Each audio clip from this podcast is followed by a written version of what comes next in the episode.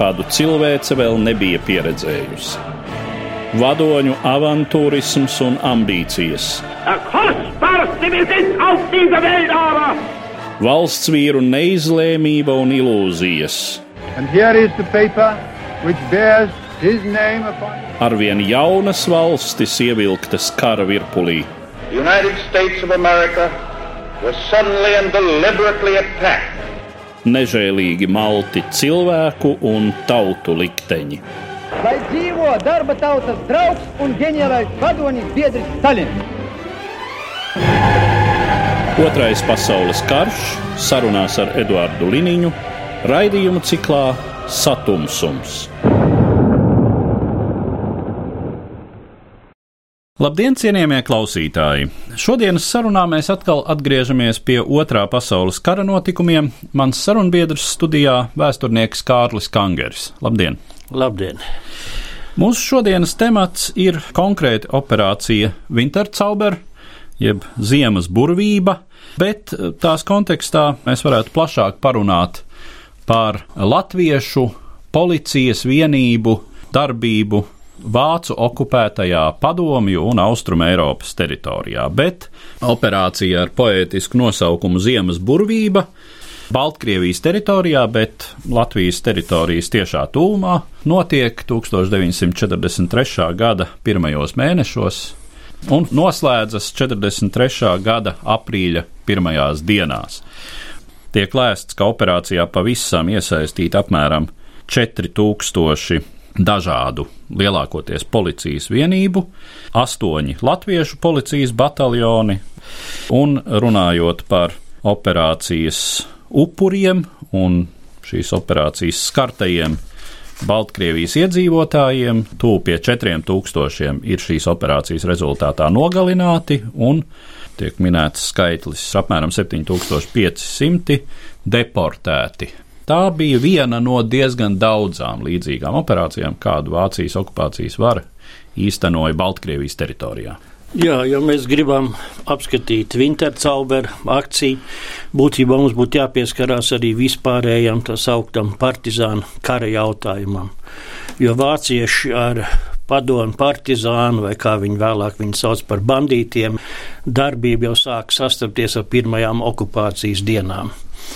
Un sākumā, kad uh, izveidoja pirmos latviešu policijas bataljonus, vai toreiz viņi sauc par kārtības sargu bataljoniem, vai vēlāk par aizsardzības bataljoniem, tad uh, piecas bataljonus 41. gadā jau nosūtīja uz Leningrādas fronti, un viņiem vajadzēja veikt tā saukto aizmugures darbu.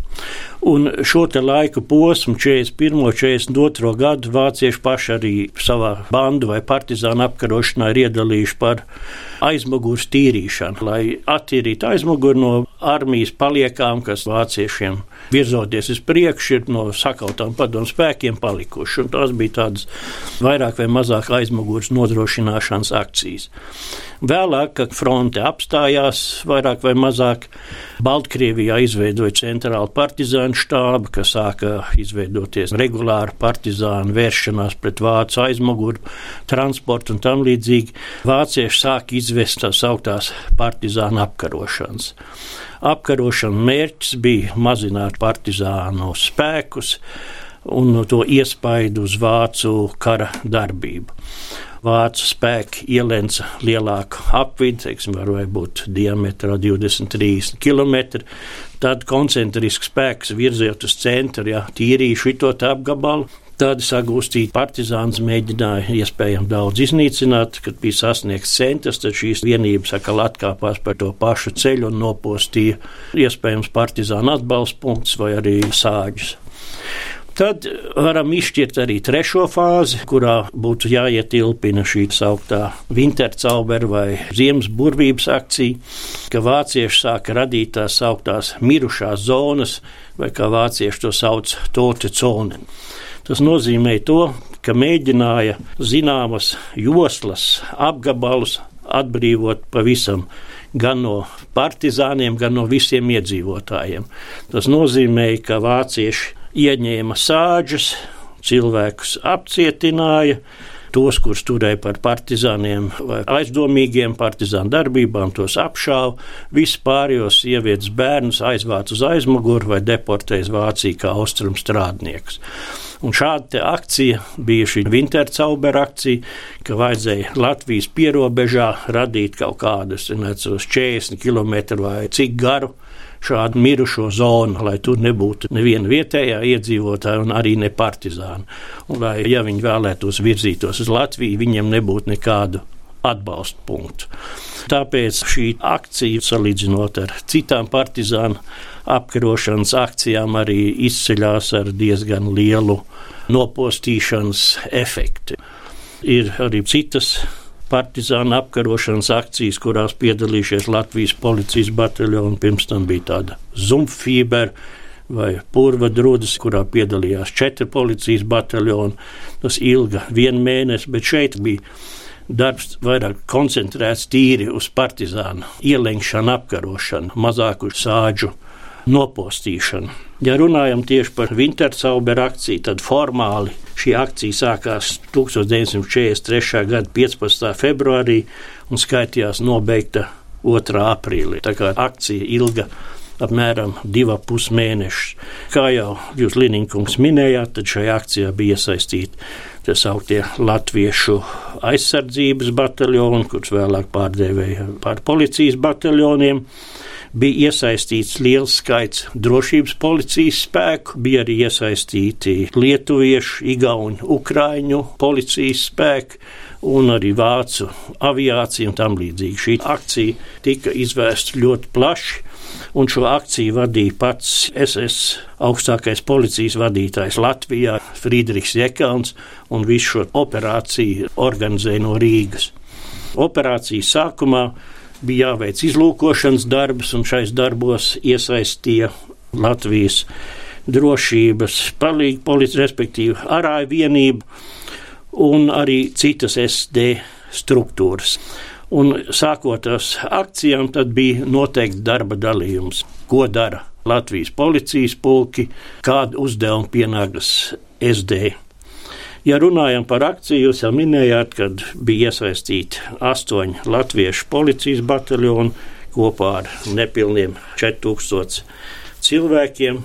Šie bataljoni bija sadalīti pa divām grupām. Viena bija tā sauktā Šrēdera grupa, kas bija SS policijas vadītājs Latvijā, un otra bija tā sauktā Knehta grupa. Šreidera grupā ietilp 273. bataljons, 280. un 281. bataljons. 280. un 281. bataljonu izveidoja speciāli tikai šai operācijai. Un vienai par vadītāju bija pulkvedis Lobe, otrai pulkvedis Veiss. Mans iespējas ir, ka vācieši, sākot leģionu dibināšanu, gribēja šos cilvēkus izmēģināt, lai pārbaudītu viņas spējas tieši kara laukā, kara darbībā. Knehta grupā bija 5 bataljoni, 276, 277, 278, 279 un 282. Lielākoties šie bataljoni bija izveidoti liela vervēšanas akcijas beigās 1942. gadā, un viņu formālie uzdevumi skaitījās aizmugures nodrošināšanu, viņi būtībā bija stacionēti pie Latvijas robežas, Gulbenē, Ludzā un tam līdzīgi. Tie bija lielākoties visi brīvprātīgie. Vervēšanas akcija noritēja visu 42. gadu. Viena daļa pieteicās jau agrāk, un viena daļa tūlīt iesaistīja bataljons, viena daļa vēlāk, gada beigās. Un iestājoties policijas bataljonos, viss notika brīvprātīgi. Cilvēkiem, kas iesaistās bataljoniem, bija jāparaksta darba līgums, un būtībā šis darba līgums skaitījās tikai uz pusgadu. Un pēc šī pusgada nokalpošanas bataljonā būtībā vajadzēja šos cilvēkus atlaist mājās.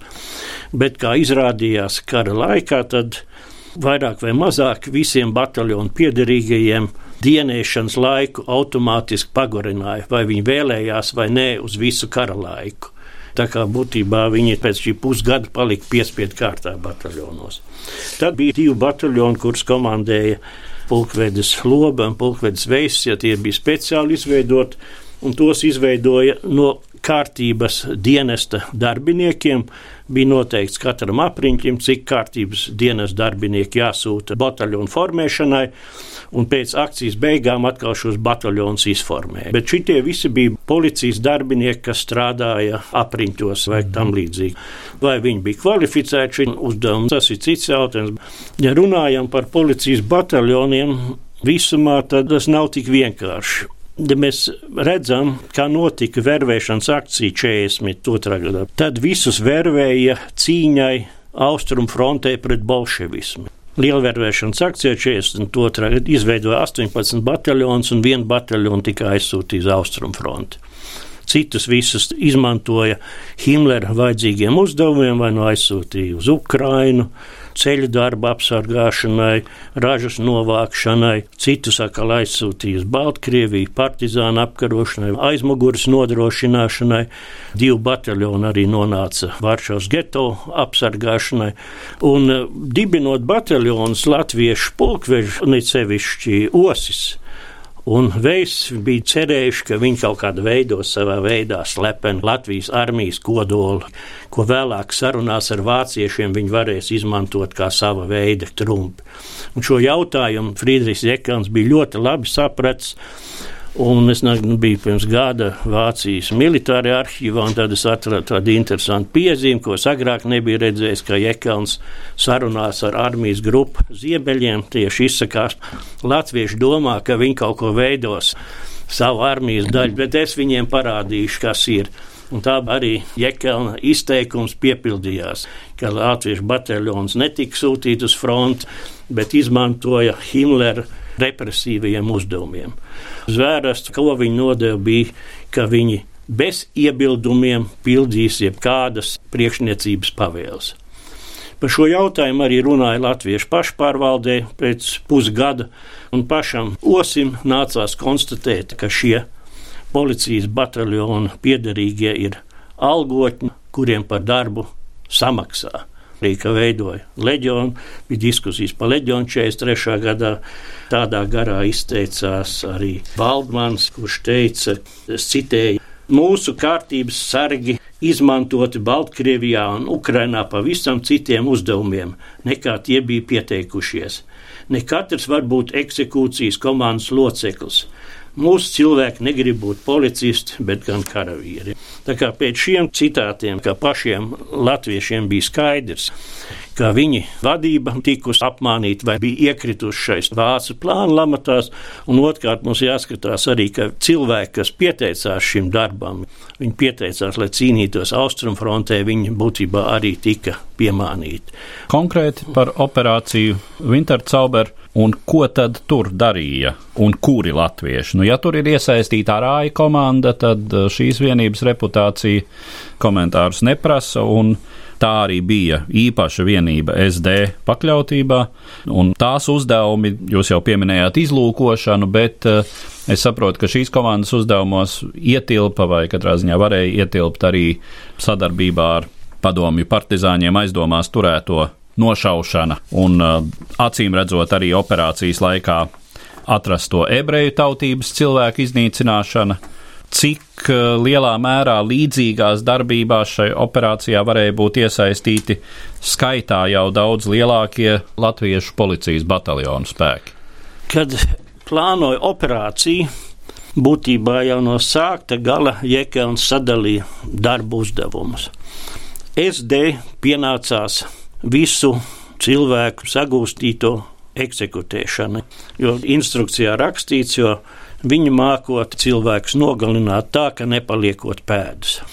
Bet, ja SD vienību nav klāt vai viņas nevar ierasties laikā, tad to arī jāveic policijas bataljoniem. Tad šie cilvēki ir nošaujami ēkās. Nošautie cilvēki jāpārklāj ar sienu, vai kaut ko tamlīdzīgu, un mājas jānodedzina. Kādas instrukcijās bija skaidrs pateikts. Par eh, Wintercauberu akciju mums ir saglabājušies ļoti daudz materiālu. Jo katru dienu, 11. no rīta, bija jādod pirmā atskaite par uzdevumiem, kādus veiks, un pulksten 17. bija jānosūta otrā telegrāma štābam par padarīto. Un tā mēs diezgan labi varam izsekot atsevišķo bataljonu darbībai.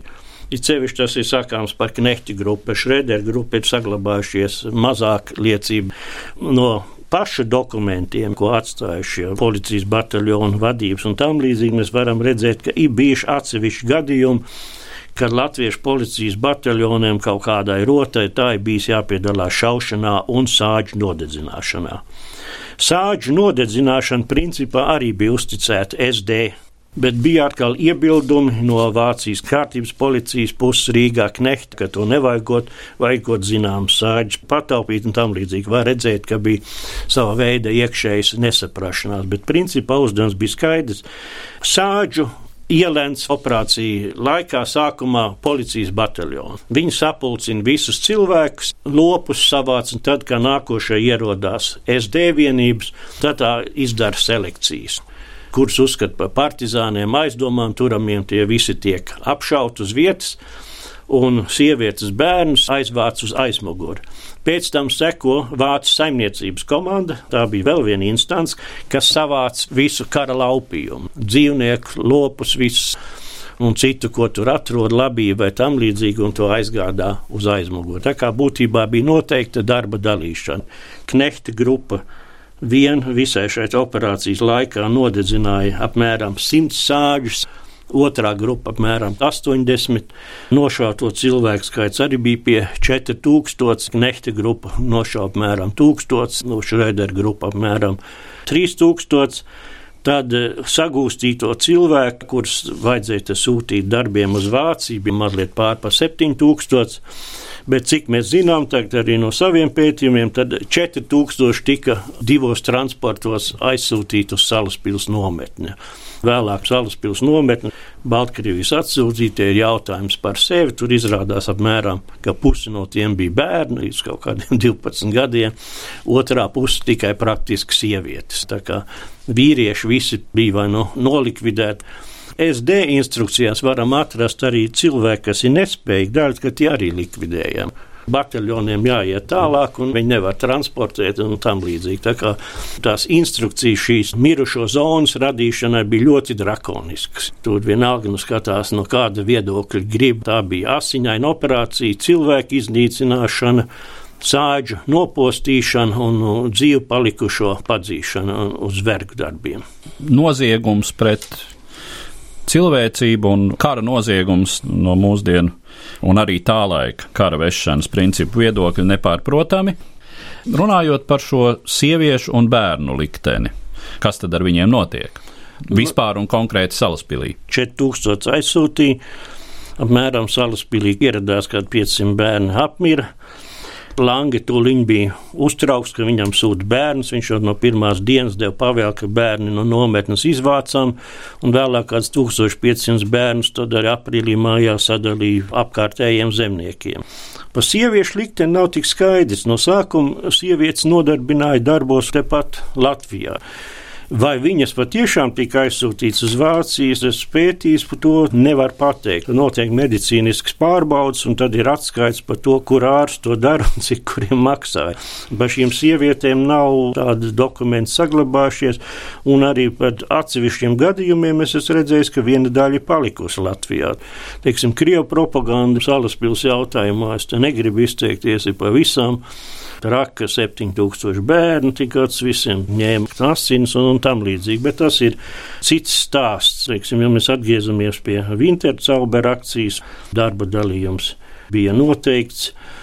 Bija arī skaidrs, ka asiņainākās lietas veiks SD un policijas bataljonu to uzbrukšanas darbu, sāģām un ielinkšanas darbu. Bet šī akcija arī vācu pusē izpelnījās liela kritika. Pirmkārt, šo akciju vadīja pats SS augstākais policijas vadītājs Jekauns. Akcija arī Lange bija atbraucis Latvijas SD komandieris. Bieži šeit pārmet pēc tam, ka daudz kas ir noticis ļoti virspusēji, pavirši un tam līdzīgi. Jo mēs zinām, ka vācieši Krievijā arī sāģās, viņiem bija savu uzticības personas. Baltkrievi nemaz nebija tik lieli pretestībnieki kara sākumā. Bija visādi vācu ieceltie sāģu priekšnieki ar apliecībām, un no šīm akcijām ir gadījumi paši vācieši apraksta, šie uzrāda, ka viņi vāc ieceltas personas, bet vienalga šīs komandas neklaus un visas apšauba. Tā kā paši vācieši starpā arī bija nesaprašanās, un šī akcija ilga divi pus mēnešus, un, un te no vācu aprakstiem arī var spriest, ka pretestība ar vien palielinājās. No sākuma, kad sāģās ienākuši pirmās nedēļas, nekādas pretestības nav bijis. Visi domāja, ka vienkārši iet un ķemē un meklē partizāns. Bet, kā izrādījās, ka notiek mirušo zonu radīšana, visu cilvēku aizvākšana un pieaugušo apšaušana, tad esot radusies arī sāģās pretestība partizāna darbība pastiprinājusies. Tā kā ja ar šo akciju vēlējās kaut kādus partizānus iznīcināt, tad šis darbs ir bijis niecīgs. Vēlāk daudz kritizēja Jekelnu, ka viņš nesot spējīgs šādas operācijas vadīt.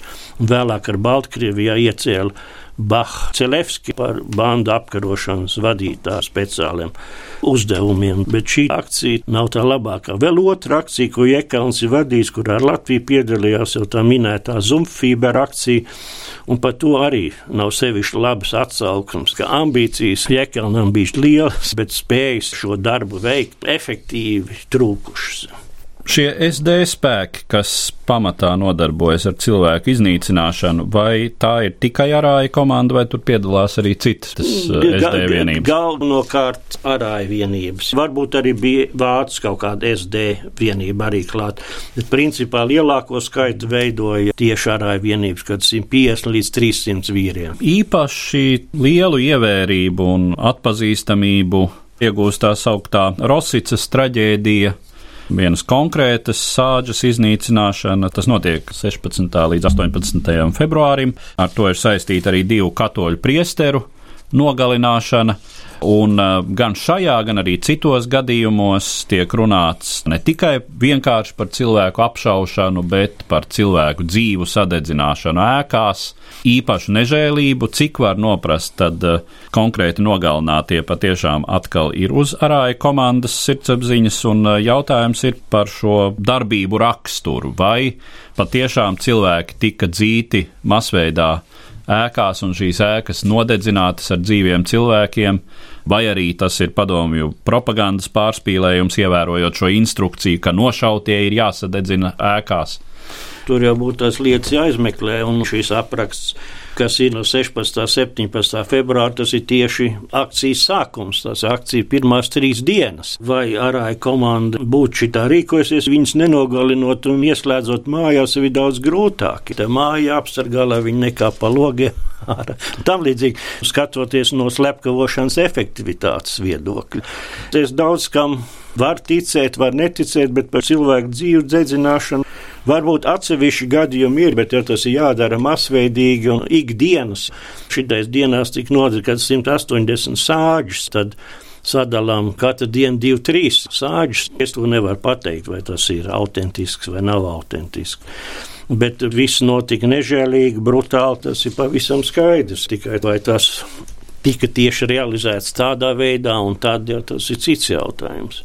Tas, protams, saistās ar jautājumu vispār par latviešu policijas bataljonu attieksmi pret vietējiem iedzīvotājiem gan Baltkrievijā, gan Ukrainā. Nerunājot par arāju komandu, kas ir īpašs gadījums, bet par šiem policijas bataljoniem, vai ir pamats teikt, ka viņu attieksme pret vietējiem iedzīvotājiem ir bijusi raksturojama kā īpaši ciniska, nežēlīga. Policijas bataljonā arī, piemēram, Partizāna apkarošanā piedalījās Lietuvā 43. gadā, Polijā 43. gadā, tad vēl Krievijā 44. gadā un tam līdzīgi. Un tās akcijas ir jāšķiro, vai tās bija mirušās zemes radīšanas vai akcijas, kad temēja mežus vienkārši, lai meklētu un cīnītos pret partizāniem.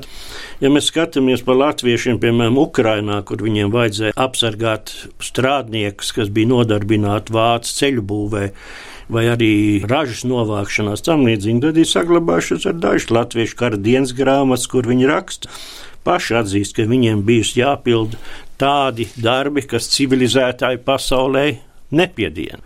Viņi nesaka kādi.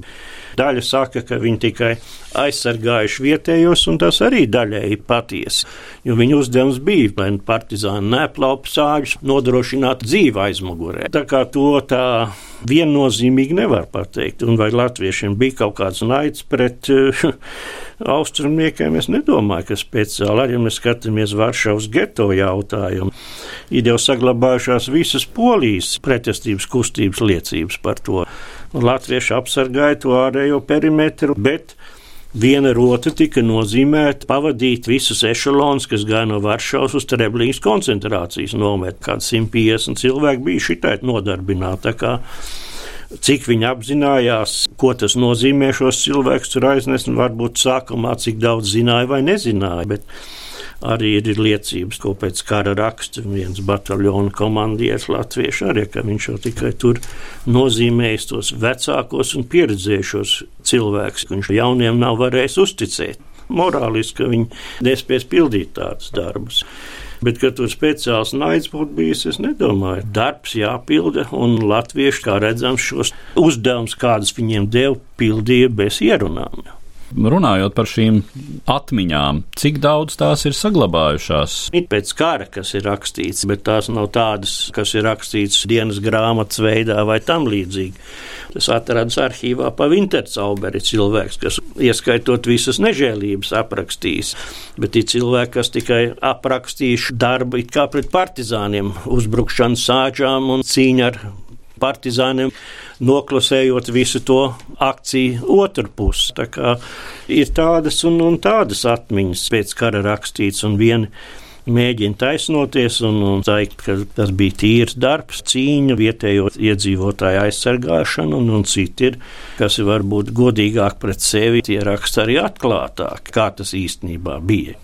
Ir viens ļoti plaši un bieži citēts attiecīgos resursos teksts kura autors ir latviešu izcelsmes virsnieks tā sauktajā Krievijas atbrīvošanas armijā, dēvēta arī par vlasaviešiem kāds virsnieks Baltiņš, kurš it kā raksta ziņojumu savam augstāk stāvošajam Krievijas atbrīvošanas armijas pārstāvim šeit Rīgā un kas apraksta zvērības, kuras it kā ir pastrādājuši latviešu esesieši, kas varētu būt ieroču SS kādas vienības dalībnieki, jeb citiem vārdiem leģionāri. Baltiņu dokumentu es pazīstu, bet to esam vairāk kārt diskutējuši. Bet tas jautājums ir tas, ko viņš saprata ar esesiešiem, jo mēs jau šeit runājam daudz par jēdzienu latviešu leģions, bet vai cilvēki vispār apzinās, ko tas jēdziens nozīmē un ko viņš ietver sevī.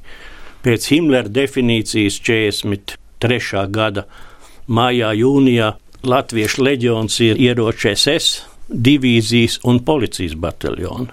44. gadā šo SS Latviešu leģionu jēdzienu paplašina, un pie Latviešu leģionā tiek skaistīts ieroču SS, policijas bataljonu un kārtības dienesta savrupdienesta policijas. Tā kā būtībā visa policijas struktūra arī skaitās Latviešu leģions 44. gadā. Bet ar to Baltiņu lietu tā, tas vienkārši būtu jāapskata, kurā vietā tas ir domāts. Un vai tur Latviešu vienības tai vietā, kas ir aprakstīts, bija vai nebija. Ja tas attiecināms uz ieročiem, es, es domāju, tas ir neticami. Par ko mēs jau šobrīd runājam, bet vēlreiz precizējot šo policijas bataljonu attiecības ar Latviešu leģionu. Tātad formāli viņi ir iekļauti šajā jēdzienā Latviešu leģions. Cik ilgi policijas bataljoni pastāv kā neatkarīgas vai ar šīm ieroču SS divīzijām nesaistītas vienības? Policijas bataljoni pastāv līdz pašām kara beigām, līdz 8. maijam kapitulācijai Kurzemē. Kad sāk izveidot latviešu ieroču SS vienības, astoņas vai vēlāk, man liekas, kopā 11 bataljonus iekļāva pilnā sastāvā šai ieroču SS sastāvā. Ar laiku zinām daļu bataljonu likvidēja, vai nu viņas pārskaitīja policijas pulkos, Tad vēlāk viņus pārsūtīja uz Vāciju vai citādā veidā šos cilvēkus iesaistīja leģionā. Bet es tagad no galvas neatceros, cik bataljoni palika kurzemē un kapitulēja. Bataljoni principā pastāvēja visa kara laiku. pēc 43. gada marta, kad sāka iesaukt latviešus leģionā vai vācu militārijos spēkos, šie bataljoni piederīgie bija mobilizēti. Jā, viņi vairs nebija brīvprātīgie, kā tie, kas iestājās 42. gadā.